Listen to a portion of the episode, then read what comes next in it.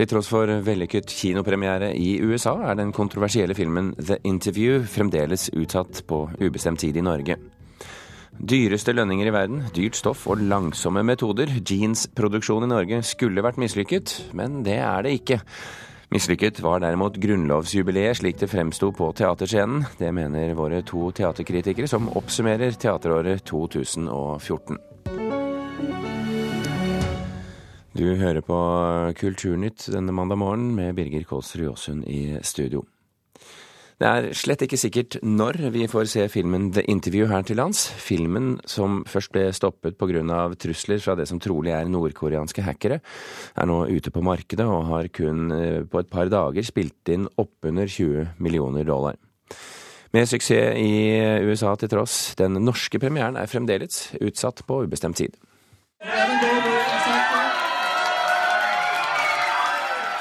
Slik låt det da skuespiller Seth Rogan møtte publikum da The Interview omsider hadde sin premiere første juledag. På tross av nordkoreansk krigsretorikk og terrortrusler fra anonyme hackere, valgte Sony likevel å la filmen bli vist på et svært begrenset antall kinoer i USA. Likevel er det usikkert når vi får se det intervju på kino i Norge. Foreløpig er beskjedene vi har fra Sony at filmen er utsatt for Norge. Det sier Simen Rognerud i filmdistribusjonsselskapet UiP Norge. Inntil vi får mer informasjon, så kan vi ikke si noe annet enn det. Yes. Opprinnelig skulle filmen hatt premiere på rundt 100 norske kinoer den 23. januar. Nå har filmen allerede hatt sin kinopremiere i USA, og dessuten er den tilgjengelig på en rekke strømmingstjenester. Likevel er det lite den norske kinodistributøren kan gjøre enn å vente. Så langt så ser vi på ny utvidelsesdato senere på året, men vi har ikke noe 100% avklart ennå. Fra USA kommer det nå bilder av folk som har kledd seg i amerikanske flagg og symboler før de skal se filmen. Rognerud tror ikke vi får lignende markeringer i Norge, men utelukker ikke at en del vil se filmen fordi de er blitt nysgjerrige. Det kan jo godt hende at eh, flere er interesserte og ønsker å se filmen nå som det har vært såpass mye oppmerksomhet rundt den. Det skal man ikke se bort fra, men, men kjernepublikummet vil være det samme. Og reporter her, det var eh, Petter Sommer. Og så kan vi eh, ta med at eh, The Interview allerede er blitt Sonys mest solgte film digitalt. Mer enn to millioner har kjøpt eller leid filmen digitalt etter at den ble gjort tilgjengelig på tjenester som Google Play og Microsoft Xbox Video på julaften. Filmen har tjent inn over 15 millioner kroner på det digitale salget, noe som tilsvarer 111 millioner kroner, skriver BBC. Finske tenåringer kan ha deltatt i hackingen av Sonys PlayStation-servere nå i julehelgen. Hackergruppen Lizard Squad har tatt på seg ansvaret for hackingen som gjorde at PlayStation og Xbox-spillere verden over ikke fikk koblet seg opp til eh, spillnettverkene. Ifølge Sky News og nettstedet Daily Dot ble hackergruppen uh, hackergruppens angrep ledet av en finsk tenåring. Finsk politi bekrefter overfor avisa Helsingin Sanomat at de er kjent med anklagen, og at det er innledet etterforskning i saken.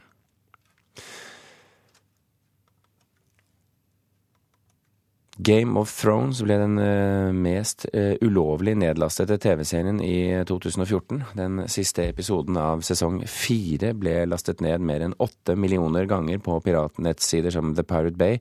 Det skriver nettstedet Torrent Freak. Serien med norske Kristoffer Hivju i en av rollene har vært en enorm suksess for TV-selskapet HBO, og gikk i år forbi Sopranos som kanalens mest sette noensinne. Mobilzombie er en av nyskapningene i det svenske språket i 2014. Mobilzombie betyr en person som er fordypet i sin egen mobiltelefon og derfor ikke legger merke til omgivelsene.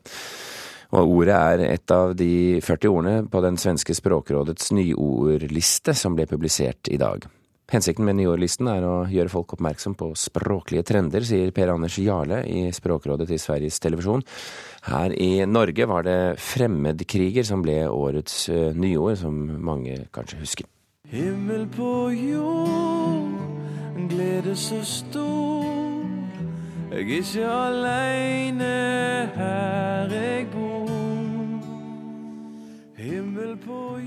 Kurt Nilsens versjon av 'Himmel på jord' var den mest populære låten på strømmetjenesten Beat på julaften. Nilsens julealbum med Kringkastingsorkesteret fra 2010, 'Have Yourself a Merry Little Christmas', dominerer topplisten til de norske strømmetjenestene Beat og Wimp på julaften. Hele sju av de ti mest spilte låtene på Beat var signert Kurt Nilsen. Det skriver Dagens Næringsliv i dag. Ifølge Beats statistikk strømmer nordmenn tre ganger så mye musikk i julen som resten av året. Vi har kommet frem til eh, den delen av året da vi oppsummerer Kultur-Norge de, det året som gikk, og kanskje også ser litt fremover mot eh, fremtiden i 2015. Og i dag er det teater og scene vi skal snakke om, og da har vi fått i studio Karen Frøsland Nystøl, vår vanlige anmelder for eh, scenekunst, og med på laget i dag Amund Grimstad, anmelder i Klassekampen. Velkommen begge to. Takk.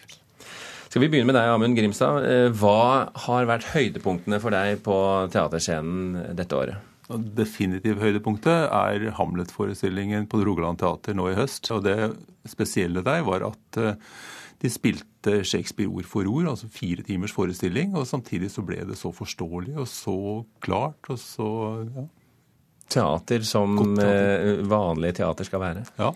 Ikke eksperimentelt? Nei, altså, det var jo noe regigrep og sånt, men eh, det var jo fire timer, og Kjersti Horn har stolt på Shakespeare-tekst, så jeg har skjønt at han er en god forfatter. Trenger ikke tukle med han. Karen, eh, hva var høydepunktet for deg?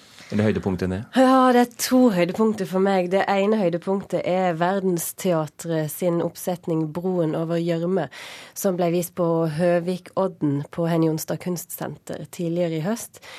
Det var for meg en skjellsettende opplevelse. Et, et kunstverk som brukte alle deler av kunstfeltet til å ta meg med på en reise uten ord. En installasjon og en, en lydforestilling som man bare kunne gå inn i og være i og komme endra ut av. Det, det, er vanskelig å beskrive hva det var, men den satte seg hos meg. Det var en stor, stor opplevelse. Den andre, det er kanskje òg litt eksperimentelt, faktisk. Eh, Nasjonalballetten satte opp Ibsens gjengangere i høst. Eh, den ble dansa for første gang. De hadde med seg en eh, teaterregissør, Marit Moum Aune, og så hadde Sina Espejo sin koreografien. Det var enormt sterkt. Gjengangere uten ett ord, men der alle følelsene til karakterene måtte danses ut og bli tydeligere. Eller så tydelig som man bare kan få det i, i et fysisk språk. Da satt jeg og gråt i operaen, og, og den forestillinga tar jeg òg med meg som noe av det sterkeste jeg har sett på lenge. Har du hatt noe tilsvarende emosjonelle teateropplevelser i året som, eh, som gikk i Grimstad? Nei, ikke som jeg kom på i farten. Ikke som jeg, ikke som jeg grått av, nei. nei. Det, men, eh, For Du nevnte Hamlet, Hamlet ja. som det eh, definitive høydepunktet, men det betyr vel at det ligger noen oppunder der også? ja, og da er det jo faktisk Rogaland Teater som, som kommer på nesteplassen. Altså, men det var ikke noe jeg gråt av. Tvert imot så, så, så, lo jeg. Og det var De lagde absurd teater veldig forståelig. Og til en publikumssuksess, vil jeg tro. For at det, folk jubla og lo og er perpleks. Dette her. Hva var, det, som, uh, hva var dette for slags stykke? Det er en slags forviklingskomedie eh, som er fullstendig absurd og surrealistisk, men som var altså, så fantastisk godt ensemblespill og så forståelig og så presist timet og sånt nå, at ja, så godt formidlet at det var ikke noe problem for eh, folk som var relativt uvant med teater, å få fullt utbytte av det. Mm. Eh, det er sikkert flere fine ting å nevne rundt omkring i landet, men la oss eh, likevel gå til skuffelsene. For det har vel sikkert vært noe. Skal vi begynne med deg, Karen?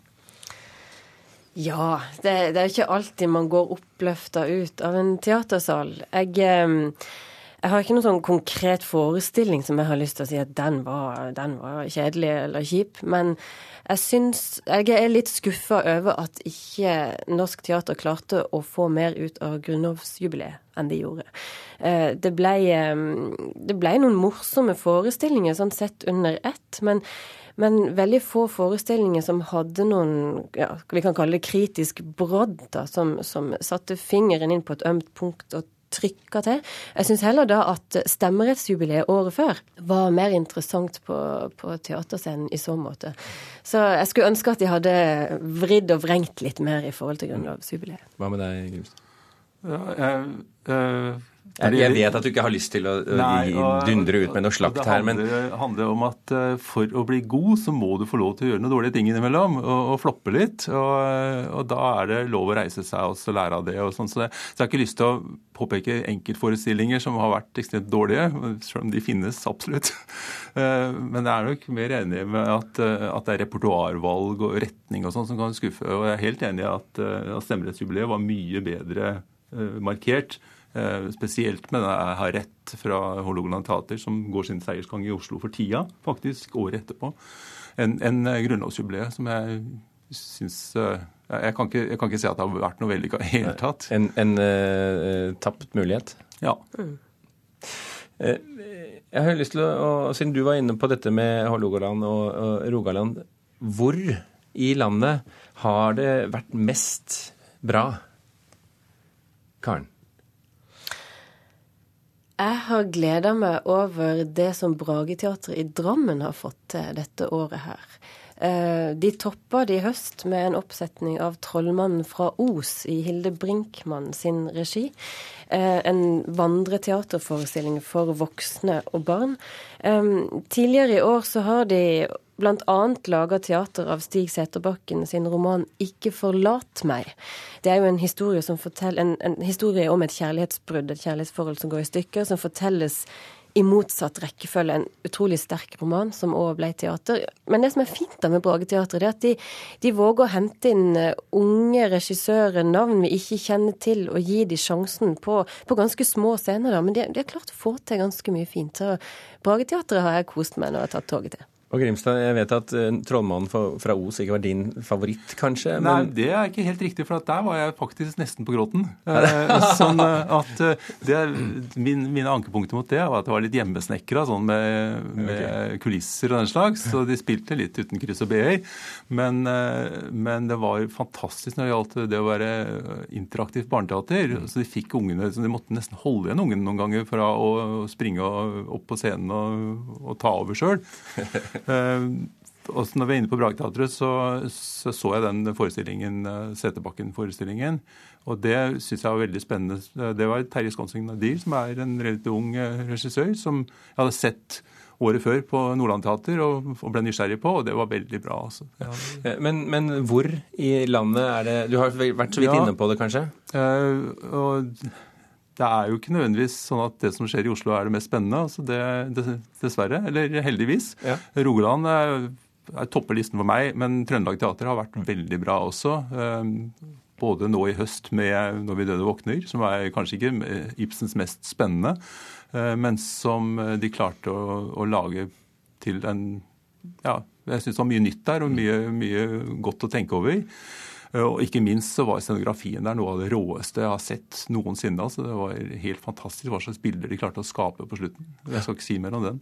Uh, ellers så, så, I forbindelse med Shakespeare-jubileet så var jeg på Nordland Teater. og Det er også et lite teater som uh, kanskje ikke får så veldig mye presse. Men de satte opp Stormen. Uh, og Den ble jo da brukt til i forbindelse med Kulturhuset i Bodø, ja, som heter Stormen. Og Det spesielt, var en veldig god forestilling, det er nå én ting, men uh, den var gjendiktet. Shakespeares tekst var gjendiktet av Ragnar Olsen. Og han er en tusenkunstner med ord, og han kjenner det nordnorske lynne og, og språket og alt sammen. Og gjorde en fantastisk jobb med Jeppe året før. Og dette her var veldig godt og forståelig nordnorsk. Mm. Så jeg er veldig spent på neste år hvor han skal til igjen med, med en ny oversetting.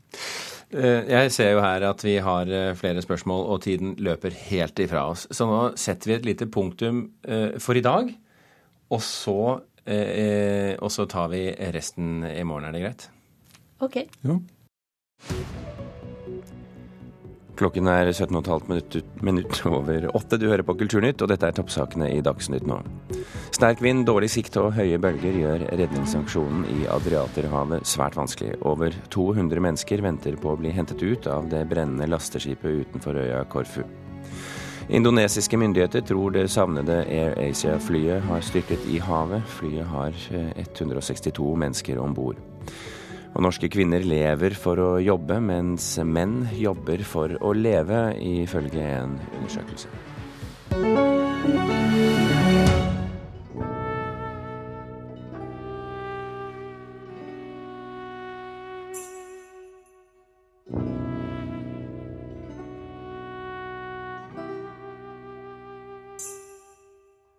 Dette er lyden av et nytt album med julemusikk, eller kanskje enda bedre vintermusikk. Bandet heter Music for a While, og platen heter Canticles of Winter. Og med meg i studio Svein Magnus Furu, vår nye jazzanmelder.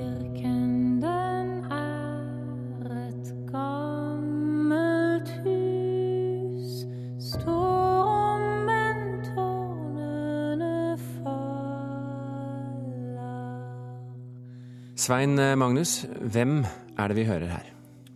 Først og fremst så hører vi da Tora Augestad, utdannet eh, klassisk sanger spesialisert på Kurt Weil sin musikk. Eh, hun er jo egentlig da en kabaretsanger, men hun har startet da dette bandet Music for a While for å ta Kurt Weil sin musikk ut fra kabaretscenene og inn på jazzklubbene og jazzfestivalene. Og med seg har hun? Med seg har hun Stian Karstensen på trekkspill, banjo og stilgitar. Og plystring, for øvrig. Uh, Mathias Eik på trompet, Martin Takst på tuba og Pål Hausken på trommer.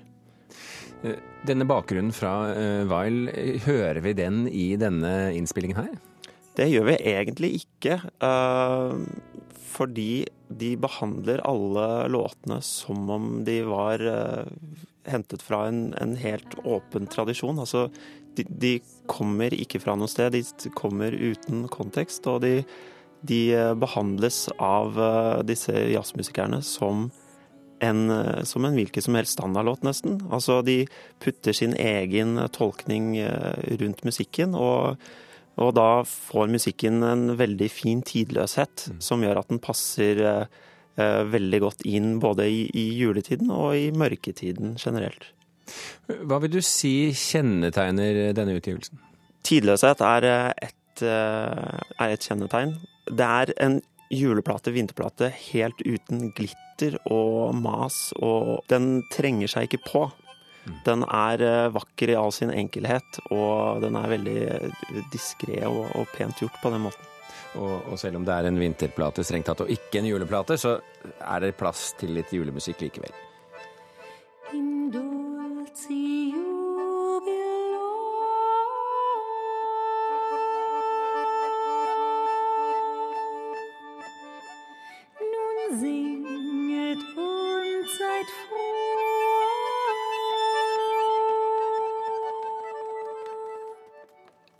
Vi hører det jo her, eh, Svein Magnus Furu. Dette er jo topp, topp, toppmusikere. Så absolutt. Hvordan, hvordan eh, eh, preger eh, det platen? Det preger platen på den måten av at eh, de har ikke noe behov for å vise seg frem på verken den ene eller den andre måten. Eh, det vi hørte her nå, var jo da Stian Karstensens trekkspill. Og han er jo Han karakteriserer seg selv som en mann med arvelig tempotourettes. Han spiller alltid veldig fort og har alltid mye en slags sånn humoristisk eh, innstilling på det. Men her hører vi han veldig sakte og rolig. Det er litt sånn, eh, Vi hører han plystrer så vidt over det han spiller på trekkspillet. Eh, og Det er kanskje de små brokkene av humor som vi får inn i dette her, men ellers er det gjort sobert og neddempet, selv fra da denne, denne tempogalningen. Og og alle musikerne har en veldig sånn, en veldig sånn fin distanse, og det er veldig lite påtrengende. Det er veldig, eh, veldig avbalansert gjort, da. Og det, det mener jeg kjennetegner godt kunstnerisk håndverk. Du sa jo før vi gikk inn i studio her at dette er en plate som burde ligget under alle juletrær i, i år. Det, det, har den sikkert ikke gjort, eh, fordi at folk ikke vet om den. Men nå vet de om den. Eh, bør dette ligge i platesamlingen eller eventuelt spillelistene hos, eh, hos vinterfolket? Ja, altså De kaller det selv vintersanger med juledryss. Og det er, det er litt sånn juletematikk, men det er, det er sanger som gjør mørketida litt lettere å bære.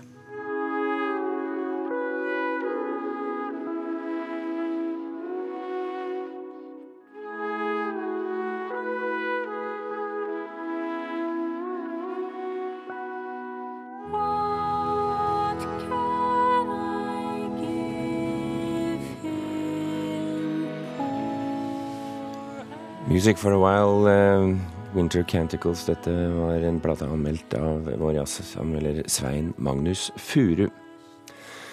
I Trondheim produseres håndlagde jeans. Metodene og maskinene er gamle, og Norge er verdens dyreste land å gjøre slike ting i. Men det går fint. Her har du favorittmaskina mi. Den sto, på, sto i Ørsta på, på 50-tallet og sydde klær. Livid Jeans midt i Trondheim sentrum er butikk og produksjonslokale samtidig. Her er estetikken og tradisjon mer enn et luftig poeng, mener mannen bak Jens Olav Dankertsen. Um, jeg uh, eh, starta vel å begynne å sy, sy jeans, og uh, likte det så godt at det, uh, jeg ville vise litt mer den verdien bak det. og bak det konvensjonelle håndverket, da, og ville lage den første jeansfabrikken i Norge. Det var flere folk som sa til meg at dette her kommer ikke til å gå. Det er ingen økonomisk verdi i, det der. Og det kanskje trigga meg enda mer, da. Så det er den første knapphullsmaskina som lagde eh, nøkkelknapphull.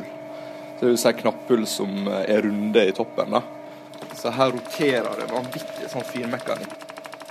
Det som gjør våre jeans spesielle, er jo at det er en eh, veldig lite automatisert produksjon. Eh, I den form av at det, her bruker vi hendene våre, så det gir en åpning for menneskelig søm. Eh, I den form av at du skal kunne se at det, det, skal, det er sydd på hånd. Alle våre stoffer er, er vevd på en gammel maskin som heter Toyota, som var Toyota som eh, laga. Og det er liksom den gamle, tradisjonelle, smale vevstolen som lagde Selvage Denim på tidlig 1900-tallet i Japan. Eh, og i USA så bruker vi deres sin eh, narrow loom-vev, eh, som heter Draper loom. Eh, og det er disse her vevene som har vevd helt tilbake til seint 1800-tallet og fortsatt står og vever på gamle tregulv for å holde For de trenger rytmen for å fungere. Eh, og det er vanvittig kult. Eh, ja, det finnes definitivt et marked for det. Og så er det egentlig, hvis du ser på premiummarkedet og high end-markedet for jeans, så ligger våre jeans eh, en del lavere. Mm. Og sammen med det som vi har på det vi lager i Norge, så er det veldig bra, bra pris. For det er faktisk de beste kvalitetene du finner i, i verden. Og de er håndsydd i verdens dyreste land å produsere i. Hva er fremtidsplanene? Ekspandere produksjonen i Norge, definitivt. Eh, også ekspandere produksjonen vi har ute i EU. Eh, og ja, vi har lyst inn på det japanske markedet og, og også ekspandere videre i Europa. Her så har du ei sånn klokke. Der kan du se hvor mange knapphull som er blitt laga. Så det er 294 millioner knapphull den her laga. Det er ganske sykt. Denim i Trondheim, dette var en sak laget av Lars Erik Skjærseth. Som du kanskje husker fra forrige uke, så tar biskop Tor B. Jørgensen og reporter Bjørn Tore Pedersen oss med eh, for tiden i en musikalsk reise gjennom juleevangeliet, og nå har vi kommet til del fire og tar veien eh, ett knepp vestover fra Tsjekkia. Da skal vi til Tyskland og til en av Johan Sebastian Bach sine elever, Johan Friedrich Agricola.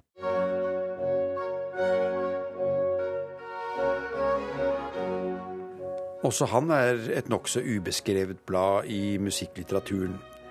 Ukjent musikk, enkel i sin form, men også tiltalende. Ja, det må vi absolutt kunne si. Et nytt og virkelig spennende bekjentskap, denne Johan Friedrich Agricola. Og Det som er så fint med denne tolkningen med Kölner akademi, er at sopranen er norsk. Ja, hun er til og med fra Finnsnes, men bor i Tromsø. Berit Nordbakken Solseth.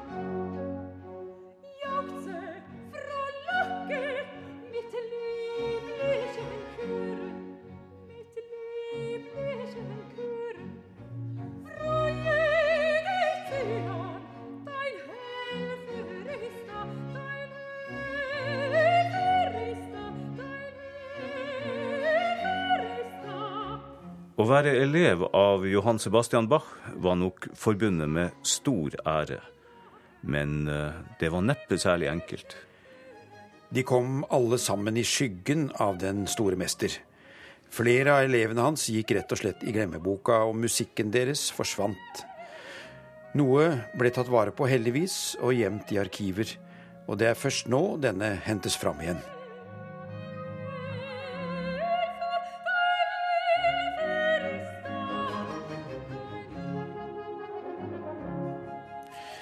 Ja, dette er jubeltoner for den historiske barnefødselen i flott barokkutgave.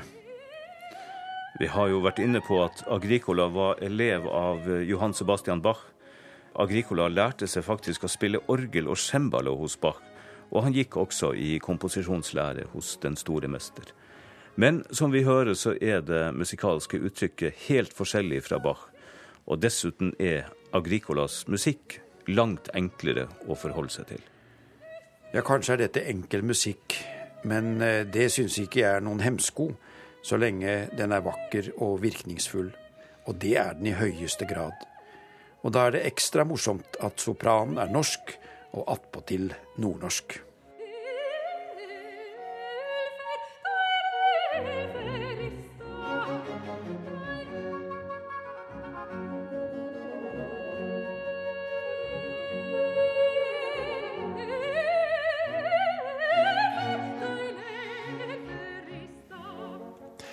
Og du hører her den eh, norske sopransolisten Berit Nordbakken Solseth sammen med Kölner Akademi under ledelse av Mikael Alexander Willens i et stykke av den eh, glemte tyske barokkomponisten Johan Friedrich Agricola.